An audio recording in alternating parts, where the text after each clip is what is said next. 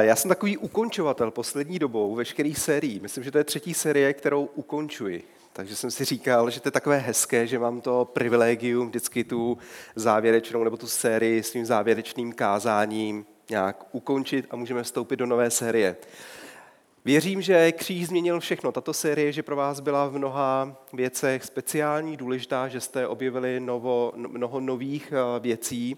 A stejně tak doufám, že třeba i dneska mé kázání nějakým stylem vám pomůže najít sebe sama, potažmo třeba, co Pán Bůh po vás, nebo kam vás vede. A to je samozřejmě i mým, mým přáním. Dnešní kázání jsem nazval Vyslanec nebe. A rád bych ho otevřel takovou velmi jednoduchou myšlenkou, která zní, když víš, kdo jsi, tak víš také, co máš dělat. To je hloubka, že, přátelé, na začátek. Jestli mi řeknete, tak to je plně jasný. Když vím, že jsem člověk, se budu chovat jako člověk. Když vím, že jsem zvíře, tak se budu chovat jako zvíře. Ale věřím, že budeme trošku hlouběji. Líbí se mi citát Jana Vericha, můj jeden, můj jeden z nejoblíbenějších je, když už člověk jednou je, tak má koukat, aby byl. A když už kouká, aby byl a je, tak má být to, co je, a nemá být to, co není, jak to v mnoha případech je. Honza Verich byl geniální v tom, jak dokázal si hrát se slovama, ale jak dokázal, dokázal vystihnout opravdu takovou tu hloubku. Protože mnoho z nás nějakým stylem hledáme, kým bychom měli být. Možná to někdy trošku jako najdeme, ale ve finále třeba potom na konci zjistíme, že jsme to vůbec nenašli, že vůbec netušíme, kým bychom jako lidé mohli být nebo měli být. To stejné je i s námi křesťany. Někdy tak jako v dálce vnímáme, že něco s naším životem není úplně ideálně, že nežijeme tak, jak bychom měli žít a že neděláme ani to, co bychom měli dělat. A proto dneska bych se rád na tady to zaměřil ve svém kázání. Mnoho lidí nad sebou přemýšlí jako nad někým obyčejným. Jo, jsem jeden z davu. Co já vůbec jako můžu? Nějakým stylem to prostě jako odžiju a uvidí se, co z toho vypadne, ale jsem prostě jako obyčejný. Když si to vezmete, žádný člověk není obyčejný. Každý je originální, se svojí úžasnou životní cestou. Otázka je jenom, jak to dokáže uchopit. Ale když přemýšlíte nad tím, jak jsme stvořeni, jak přemýšlíme, jak jsme kreativní, co vlastně dokážeme, tak to je něco obdivodného. A tohle to je předností každého člověka. Žádný člověk na světě není obyčejný. I ten poslední bezdomovec, který prostě někde leží, plácá se, tak pro Boha není obyčejný. A nikdy by takhle nad sebou neměl přemýšlet. Je prostě originální. A já věřím, že to nám pomáhá vykročit z toho jakoby stínu dívání se na sebe jako na někoho obyčejného. A co víc, jestliže jsi křesťan, dal si svůj život Bohu, tak si dostal Ducha Svatého. Máš stejného ducha, Boha, který přebývá v tebe, jako měl Pán Ježíš, který byl zmocněn Duchem Svatým a byl vlastně ustanoven do služby, aby mohl více efektivněji ukazovat na Boha Otce v nebi. To je něco naprosto neuvěřitelného. Máš stejného ducha jako, já nevím, Smith Wigglesworth, nebo jako Reinhard Bonke, nebo si tam dejte svého hrdinu víry. Jsem dopoledne říkám, máte dokonce stejného ducha, jako má moje manželka, ducha svatého, a ta má hodně našlapaného ducha svatého v sobě takže jako vím, o čem, o čem mluvím. A, takže každý člověk je originální. A přemýšlet nad sebou, jako jsem maminka na mateřské dovolené, nebo jsem pouhý student, který nic jakoby neví, nějakým stylem mám vize, někam jdu, nebo jsem ještě, já nevím, teenager, od kterého se vlastně nic nemusí učekávat, peru se nějak se svým životem, nebo jsem důchodce, který už je na sklonku života, co já jako můžu dát dál tak je podle mého špatné uvažování, protože každý je prostě originální. Ve druhém Korinským v páté kapitole, 17. verši, Pavel píše notoricky známý verš. Jestliže jste věřící díle jak 14 dní, tak ho budete určitě znát. Píše, kdo je v Kristu, je nové stvoření. Co je staré, pominulo, hle, je tu nové. A tady ten verš má obrovskou hloubku v tom, že když dáš život Kristu, tak v něm si skutečně nové stvoření. Kompletně v něm nacházíš nový život. Píšeš s Bohem svůj život na bílý čistý list papíru. Píšeš úplně nový příběh. Všechno prostě staré je zapomenuto. Veškeré tvé hříchy, selhání, já nevím, eh, mindráky, všechno prostě. Bůh to uzavřel, dal to pryč a ty s ním začínáš psát novou éru svého, svého života. Je to stejné, jako když se housenka promění v motýla. My někdy vírou dokážeme uchopit, že jsme ten motýl, ale realita je, že se pořád pazíme jako housenka. A v tom je někdy ta největší asi svízel a zároveň největší výzva pro každého z nás.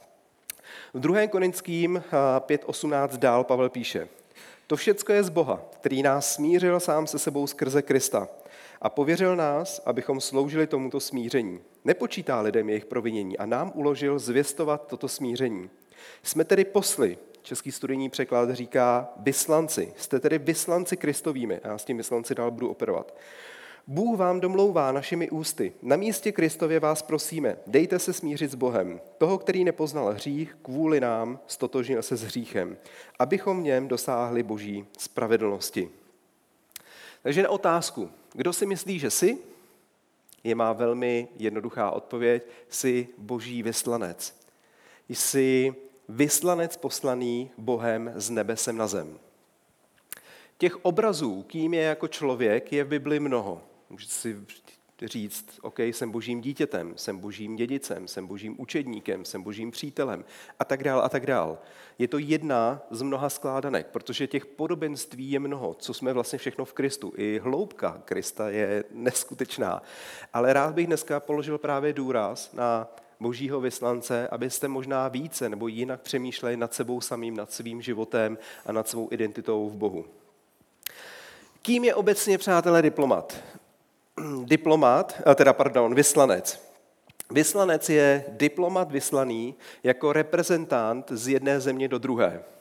Když bych byl vyslancem České republiky v Iráku, tak tam jsem proto, abych hájil zájmy České republiky, abych reprezentoval Českou republiku v Iráku, že? Velmi jednoduché, pro každého asi jasné. Jestliže tedy jsem Kristův vyslanec, tak tím pádem mám hájit zájmy Boha.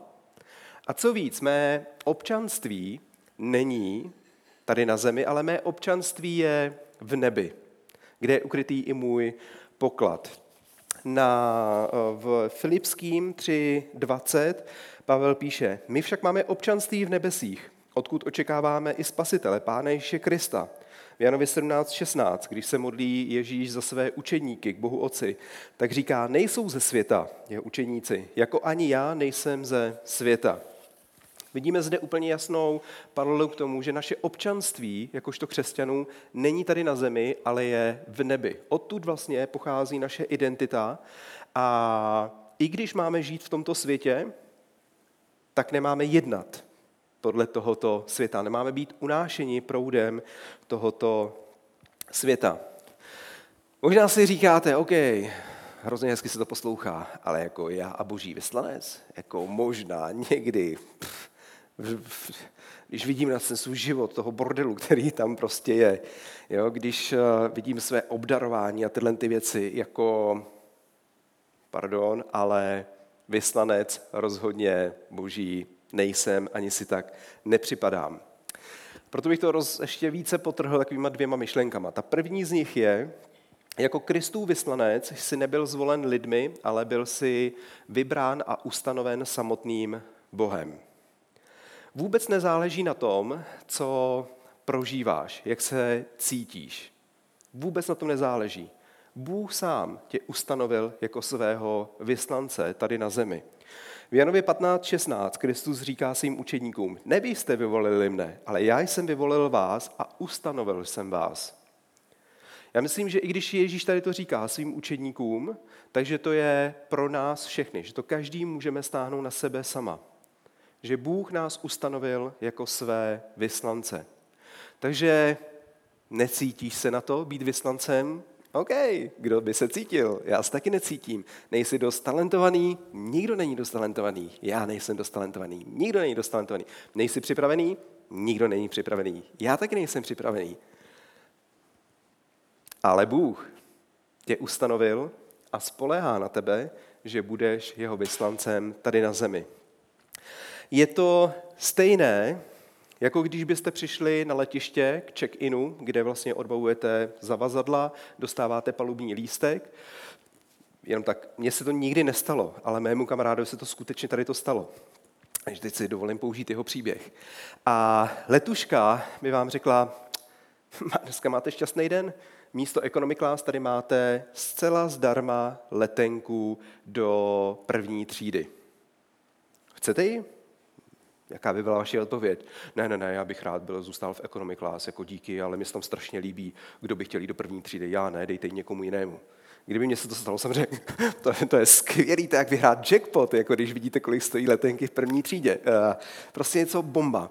A co víc, s tou letenkou je spojeno, že už můžete vlastně na letišti jít do lounge, té aerolinky, a můžete si tam dát člofíka, můžete se posprchovat, máte tam bar, jídlo samouslužné, co prostě můžete sníst. Máte k tomu special výhody, ještě než vlastně jdete do, do odletové místnosti. A když už tam potom přijdete, tak jdete mezi prvními. Letadlo vzlétne, nebo ani vy si tam pomalu sednete, už dostanete welcome drink a když vzlétne, tak dostanete speciální menu, jíte s kovovýma příborama, pijete ze skla, z žádného plastu a tak dál a tak dál. Prostě naprostá pecka. Nebyli jste dostatečně talentovaní, nebyli jste na to připravení a tak dál, ale dostali jste toto místo, které je normálním smrtelníkům prostě totálně nedostupné. Někdy si zkuste hlavně, zkuste třeba vygooglit, že si řeknete, OK, poletím třeba do New Yorku a tří, uh, cena za economy a za first class je brutální. Mezi tím je tak obrovský rozdíl, že byste do toho New Yorku mohli jít klidně čtyřikrát tam na zpátek. Takže neuvěřitelná, neuvěřitelná věc. Nijak jste si to neza, nezasloužili, prostě jste ji dostali. Když se podíváme na život apoštola Pavla, který napsal 14 knih v Novém zákoně, tak jeho život před obrácením rozhodně nebyl život, který by reprezentoval Boží království, i když paradoxně Pavel si to myslel. Ale poté, co se setkal s Kristem, kdy dokonce záře slávy Kristovy byla tak silná, že Pavel i oslepl, najednou se mění kompletně jeho život. Dostává se do Damašku jako slepý a Bůh přichází k Ananiášovi a říká mu, Ananiáši, běž za Pavlem z modli se za něj, polož na něj ruce, aby mohl být zdrav. A Ananiášová reakce je, jako, jako pane, jako za tím Pavlem Starsu, který pronásleduje tvůj, tvoji církev, jako to mám jít do vězení, nebo já za ním prostě nechci jít. Ale Bůh mu říká, jdi, neboť on je mým nástrojem, který jsem si zvolil. On je mou vyvolenou nádobou, aby nesl mé jméno národům i králům a synům izraelským. A víme, že Pavel jméno Kristovo nesl napříč národy. Stejně i každý z nás jsme milující boží nádobou, abychom nesli slovo o smíření, dobrou zprávu, to, co pro nás Kristu dělal, k lidem okolo nás. Záleží jenom, jak nad sebou právě přemýšlíme, co to pro nás znamená. Když jsi maminka na mateřské dovolené, tak to není pouze o tom, že vychováváš své děti, ale vychováváš budoucí generaci. Když podnikáš v nějakém podnikatelském sektoru, tak to není pouze o tom, že vyděláš peníze, dáš desátky nebo dáš něco na herníčku a podobně, ale můžeš kompletně proměňovat celý prostředí vlastně biznesu. Jestliže jsi zahradník, tak to neznamená, že jenom stříháš stromy, ale setkáváš se neustále prostě s dalšími a dalšími lidmi a můžeš vlastně být otevřený, co ti Bůh říká, abys ten den dělal. Líbí se mi, jak nevím, jak je to dlouho, ale když Verunka, moje švagrová, říkala, že stála ve frontě a nějak se začala modlit a děkovat Pánu Bohu a úplně vnímala, jaký Bůh říkal, zaplať tomu člověku, který je před tebou nákup. A prostě to udělala. A ten člověk byl úplně vyřízený z toho, co se mu zrovna teď odehrálo, že mu prostě někdo zaplatí nákup. Ale o tom je být vlastně Bohem jeho nádobou, být prostě pro něj použitelný. Není to jenom o našich slovech, ale je to o skutcích. A vychází to z toho, jak přemýšlíme nad sebou samým. Den má 24 hodin, dejme tomu z toho 8 hodin spíte, někdo 6 a podobně. A zbytek máte celou platformu toho, co můžete vlastně dělat pro Boha. Jak můžete šířit jeho království do všech koutů. Ať už stojíte ve frontě, ať už jedete v autobusu, ať už se bavíte se spolužákama, ať se bavíte s kolegama, ať jste doma v rodině, je to úplně jedno. Ale Pán Bůh vám nabízí, věřím, každý den spoustu, spoustu možností, kde můžete šířit Krista. A není to o tom, že to vždycky lámeme přes koleno. Jo, že ne, já už nechci, hlavně ke mně, pane Bože, nemluv, já k tomu v autobuse nepůjdu za tím člověkem, nebudu mu nic říkat.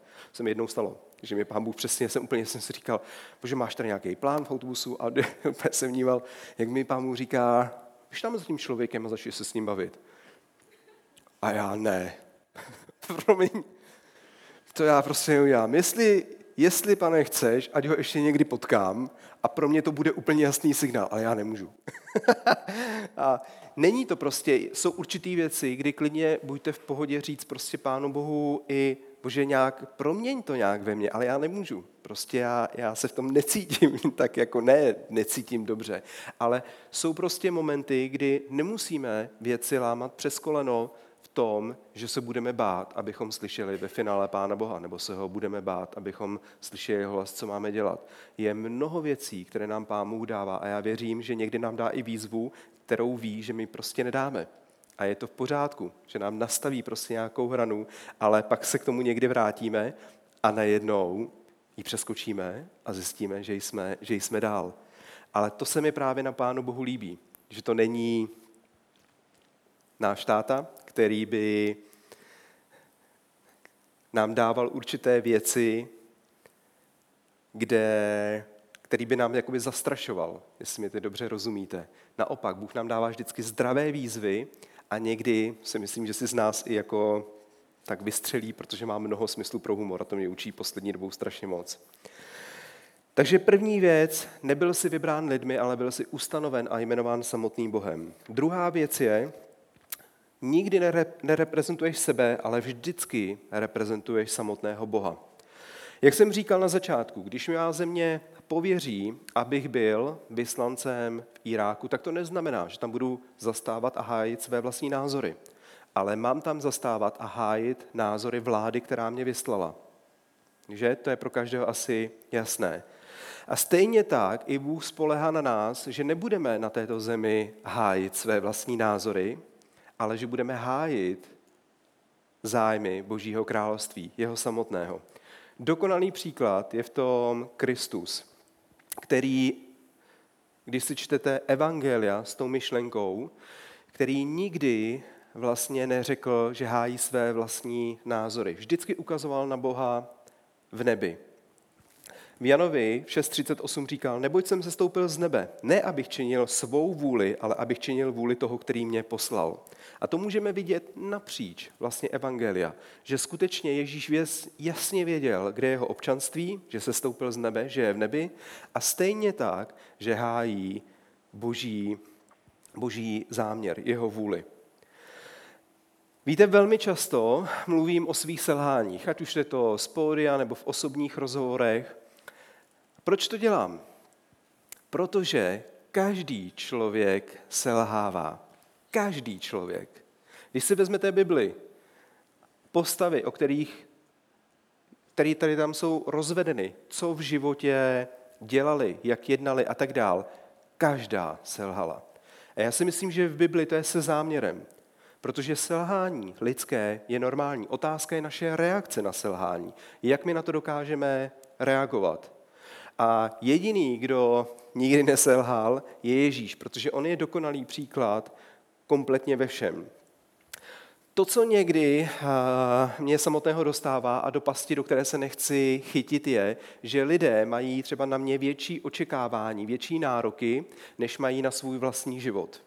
A myslím si, že tohle je naprostá chyba. Když máte očekávání nebo nároky od ostatních lidí vyšší než na svůj vlastní život, Myslím si, že to není, není, není správné. Protože všichni máme mít jasný celoživotní cíl. Naprosto všichni. Já, vy, lidé, prostě křesťané po celém světě, a to je růst do podoby Krista. Růst do podoby Krista. Když jsem někde řekl, tak se vždycky začali jakoby lidé kolem mě spíš smát a říkali si, jej demane, křesťanské kliše. Pro mě to ale není kliše. Pro mě to je prostě realita, ke které máme smířit. Každý z nás máme směřovat tomu nejvyššímu standardu, mít Krista prostě před očima a k němu mířit. Vždycky, za všech okolností. A zpětně během života se můžete podívat i, jak se vám to daří. Dneska jsem úplně někde jinde, než jsem byl před pěti lety. Jo, třeba v rámci mého přemýšlení, uvažování a tak dále, v rámci i posunu mého přístupu k věcem a podobně. A je to správně. A doufám, že za pět let budu úplně někde jinde, než jsem dneska. Je to nějaký progresivní vlastně vývoj, se kterým i pán Bůh počítá. Není možné, že se stanete křesťanem, hups, jsem skvělý. To by nebyla ani žádná zábava, když to řeknu.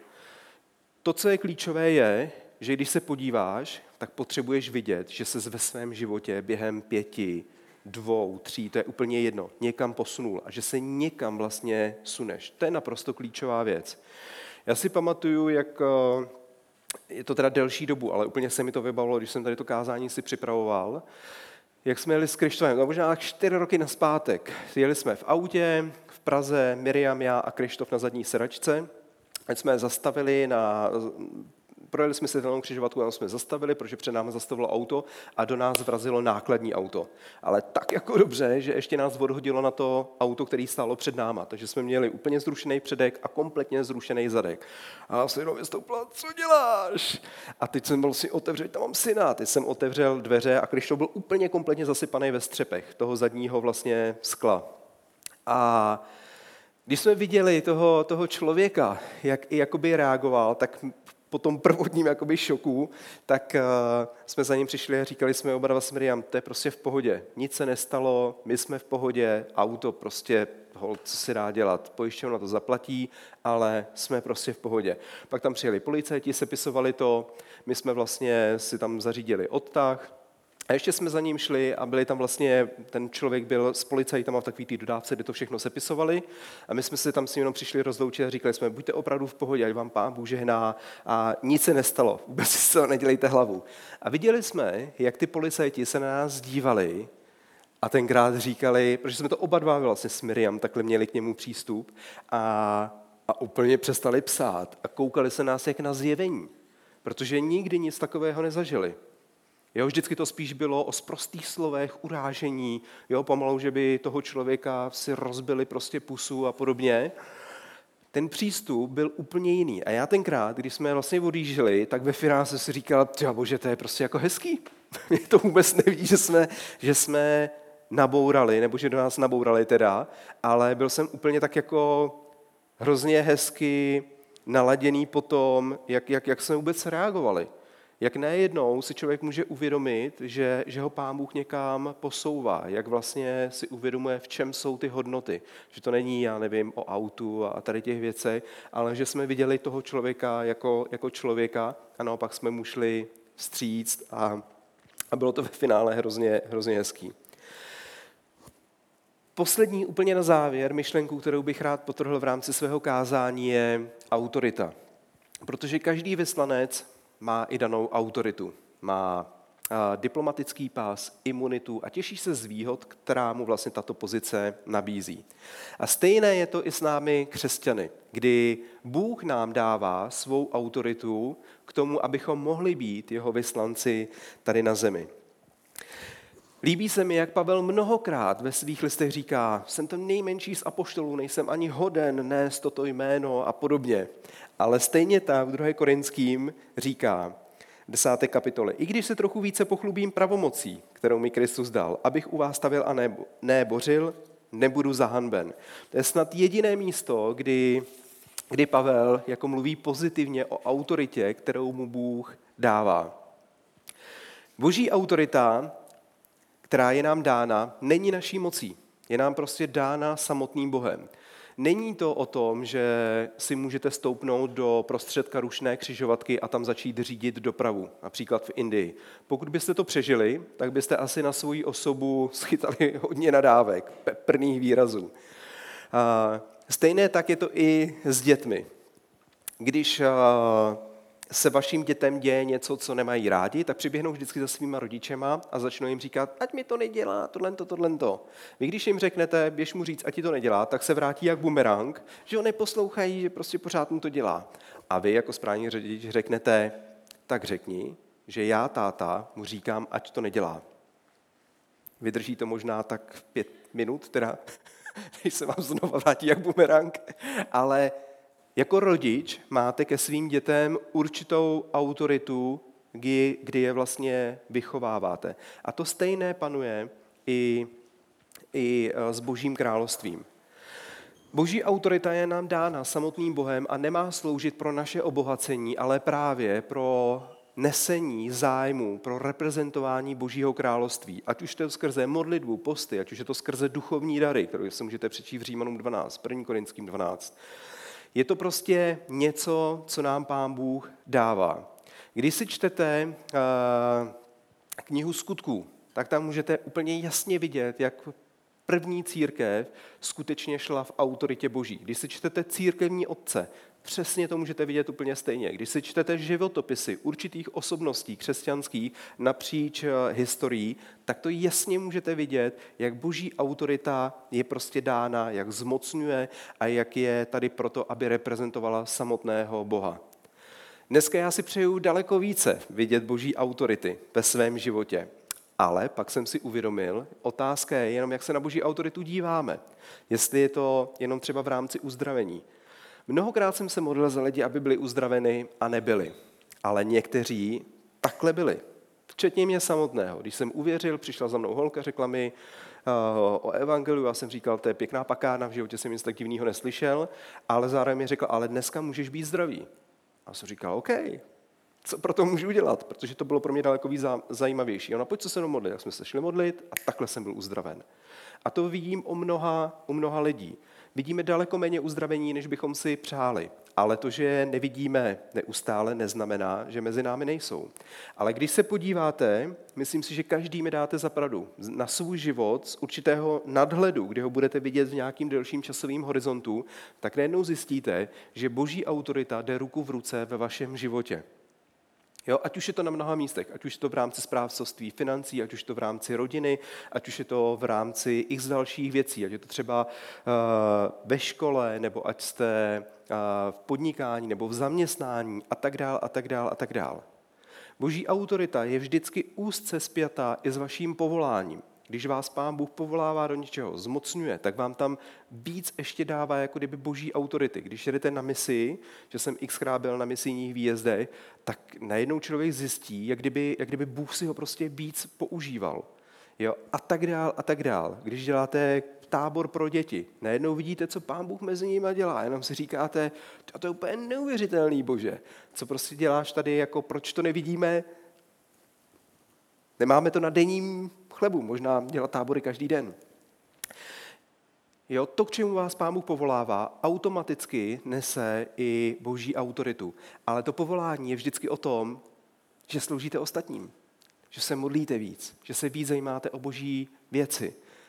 Takže více hledat boží autoritu rovná se více hledat Boha a vstupovat do věcí, které pro vás Bůh sám má. Malá víra, přátelé, nás dostane do nebe, ale věřím, že božím cílem je, aby naše víra s boží autoritou a povoláním dostávala nebesem na zem. Proto vlastně přišel i, Ježíš, který dostal nebe na zem a dneska může být spasen každý, kdo v něho věří. A ten překlen je, že mnohokrát můžeme zažívat boží království už tady na zemi. Takže moc si přeji, abychom více mohli vidět, jak, jak to boží království skrze naše životy proudí do tohoto světa. A už jsem ten obraz vám dával. Čím dál tím silněji vnímám, jak, jak Bůh s námi počítá, jak s nás spoléhá, že budeme lé, lékem pro naši společnost. Proto si nevylamujme zuby na věce, které vůbec nejsou podstatné. Druhý příchod Pána Ježíše, vytržení a tyhle ty všechny různé věci, různé teologické otázky v rámci covidu, nesit roušky, nenosit roušky a podobně. Myslím si, že Bůh jde úplně jako za mnoho těch věcí, kde říká, buď mým vyvoleným nástrojem, buď mojí krásnou nádobou a šiř mé, mé království. A samozřejmě mnohokrát to půjde proti našemu egu, které je, jak vždycky říkám, neustále hladové, strašně křehké, které nám prostě naopak říká, stůj si za svým názorem, buď ostrý a tak dál. Ale přitom Bůh říká, na tom vůbec nezáleží. Na tom vůbec nezáleží. Jdi usmíř se s tím člověkem a pořád přemýšlej, jak můžeš přinášet život a požehnání do této společnosti. Protože to je pravým cílem našich životů. A to je i cílem každého křesťana. Když bych to měl jednoduše schrnout, přátelé, každý z nás, každý křesťan je vyslanec, poslaný Bohem z nebesem na zem. Abychom nesli dobrou zprávu, zprávu o smíření mezi Bohem a člověkem, co udělal Kristus na kříži, protože tím se radikálně změnilo všechno. Abychom dávali vždycky život a dávali naději do lidských životů, že v Bohu je nové stvoření. Každý je nové stvoření a začíná, li, začíná psát svůj život s Bohem na čistý bílý list papíru. A co víc, abychom si uvědomovali, že my jsme ti, kdo reprezentují samotného Boha. A i když selžeme, Bůh s tím počítá. Důležité je naše reakce na selhání. To druhé, jestli se dokážeme omluvit, jestli dokážeme přijmout, já nevím, zodpovědnost, kterou jsme v těch věcech potentočkovali a tak dál. Ale věřím, že Bůh nás neustále vyzývá a otevírá vám během dne neskutečnou paletu toho, jak můžeme reprezentovat jeho království, jak můžeme reprezentovat jeho samotného. A je to obrovská obrovská výsada, stejně tak i velká zodpovědnost. Já bych rád pozval kapelu a zároveň bych se ještě rád modlil. Pane Ježíši, děkujeme ti za tu obrovskou výsadu, že můžeme být křesťany, že můžeme být lidmi, kteří dali svůj život do tvých rukou, králi. Žijeme v době, která je mnohdy polarizovaná, ale zároveň, kdy si můžeme dopřávat věcí, o kterých se nám ani nezdálo, kdy máme přístup k, k pitné vodě, kdy máme přístup k teplu, kdy můžeme prostě bydlet. Nejsme teď ve společnosti, která by byla ovládaná válkou, kdy hodnota lidského života je i dána zákonem, pane, a tak dál, a tak dál.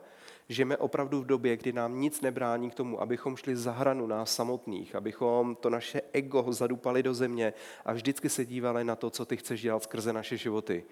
A prosím, pane, aby se spoužil i toto kázání a dal nám myšlenky o tom, kde nás chceš mít, kde můžeme více šířit Boží království. Ať už je to rodina, ať dokážeme naopak eh, přinést smíření ve věcech, kde třeba je nějaké rozdělení, nebo ať je to v rámci biznisu, abychom přinášeli lék, pane, do, do tohoto prostoru, nebo ať je to ať to je škola, ať to jsou mý spolužáci, pane, ať, ať je to prostě cokoliv. Modlím se, králi, opravdu za to, abychom vždycky tebe měli před svýma očima a zároveň možná i dneska nebo zítra ráno vstávali s takovou tou modlitbou, Bože, co chceš dneska udělat skrze můj život? Prosím, ať můžu tebe vidět, ať můžu přinášet změnu do věcí, která by jinak nebyla možná.